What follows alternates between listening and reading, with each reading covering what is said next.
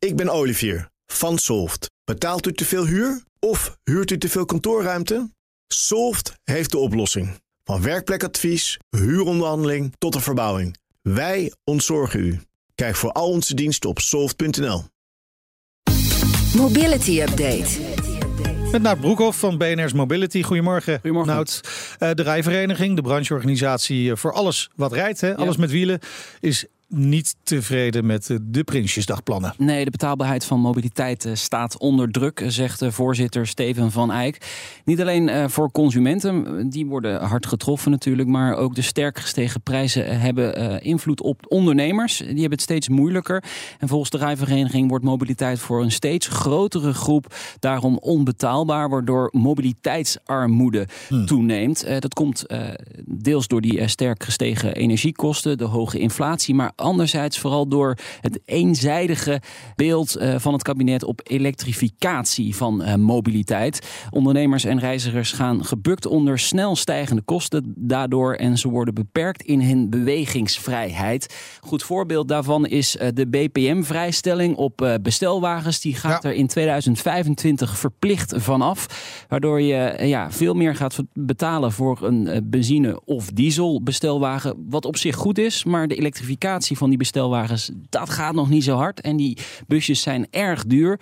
Ja, dan word je dus op kosten gejaagd. En dat kost uh, sommige ondernemers uh, eh, 10.000 tot 15.000 euro meer in de toekomst dan nu. Dus ja. dat is wel serieus. Ja, nog andere verplichtingen. Leaseauto's moeten mogelijk al in 2024 verplicht elektrisch zijn. Ja, dit is dan gelijk weer een goed voorbeeld daarvan. Uh, het, het, was wel even goed zoeken. verstop ergens in een, in een klimaatnota van minister Jette aanvullende maatregelen op het klimaatakkoord. En daar staat dan ergens dat het kabinet de mogelijkheden verkent om per 2024 of 2025 een normering in te stellen waarbij alle nieuwe zakelijke auto's emissievrij zijn. Emissievrij is ja. elektrisch waterstof.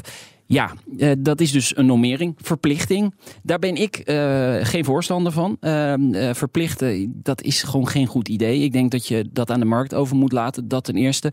En ja, het wordt ook een probleem de elektrische auto's zijn uh, veel duurder op dit mhm. moment. En juist de bijtelling op die elektrische auto's, die wordt stap voor stap verhoogd de komende jaren. Dus dit beleid is helemaal tegenovergesteld van elkaar op dit moment. Dus daar moeten ze even heel goed naar gaan kijken. Oké, ze luisteren ongetwijfeld naar je. nou, uh, het kabinet investeert daarentegen wel weer flink in onderhoud van infrastructuur, bereikbaarheid van nieuwbouw. We hoorden eerder Maxime Verhagen van Bouw Nederland al in deze uitzending daarover. Ja, dat, dat is dan wel weer goed nieuws natuurlijk als je het tenminste voor elkaar kunt krijgen. Zeker, wegen, vaarwegen spoor, die krijgen allemaal extra geld voor onderhoud. Uh, dat trekt het uh, ministerie van Infrastructuur en Waterstaat uit. 4 miljard euro. Nou, dat gaat uh, dan 2 miljard naar spoor, 1 miljard naar wegen, 500 miljoen naar vaarwegen en 500 miljoen naar waterbeheer, zoals dijken. Ook mhm. belangrijk natuurlijk, dat we een beetje droog zitten. verder wordt de bereikbaarheid van woningen verbeterd. de woningnood is natuurlijk hoog in Nederland, dat weten we natuurlijk allemaal. Er moeten veel huizen bijkomen. En die wijken, die woonwijken, die moeten, zoals dat heet, ons worden. Nou, daar wordt nog 900 miljoen euro voor uitgetrokken volgend jaar. En daar kan nog wat geld bij komen, want er is nog een meerjarenplan infrastructuur, ruimte en transport, MIRT. En uh, daarin uh, wordt ook nog, komen ook nog afspraken, dus er komt misschien nog meer bovenop die 900 miljoen. Tot slot, nog even nieuws van VDL Netcar. Of VDL, wat is het? Nou, VDL Bus en, en oh, Coach. ze hebben zoveel bedrijven. ze hebben een nieuwe elektrische stadbus uh, gepresenteerd, de Citea. Uh, de onthulling vond uh, gisteren plaats op vakbeurs Innotrans in Berlijn. Nou, ze hebben goed gekeken naar de bussen die al rondrijden, de elektrische bussen. Want die, die hebben inmiddels 200 miljoen kilometer afgelegd. Die data die is erg bruikbaar voor het ontwikkelen van de bus. Ze doen nog geen uitspraken over de specificaties van deze elektrische bus. Dat is natuurlijk wel interessant. Wat is de actieradius? Maar toch, de nieuwe generatie bussen is al in verschillende landen verkocht en zal binnenkort al uh, op de weg verschijnen in onder meer Nederland, Eindhoven, Amsterdam, maar ook in Finland, België, Duitsland en Frankrijk. Grote orde dus voor VDL Bus en uh, Coach. Mooi nieuws, dankjewel ja. Nout. Maandag om half drie nieuwe aflevering natuurlijk weer van BNR Mobility. Ja. Die komt van de EV Experience. Ja, we nemen daar uh, vrijdag uh, ja. onze aflevering op. En ja, die kun je natuurlijk ook terugluisteren ja. via uh, favoriete podcast-app. En vergeet je vooral niet te abonneren.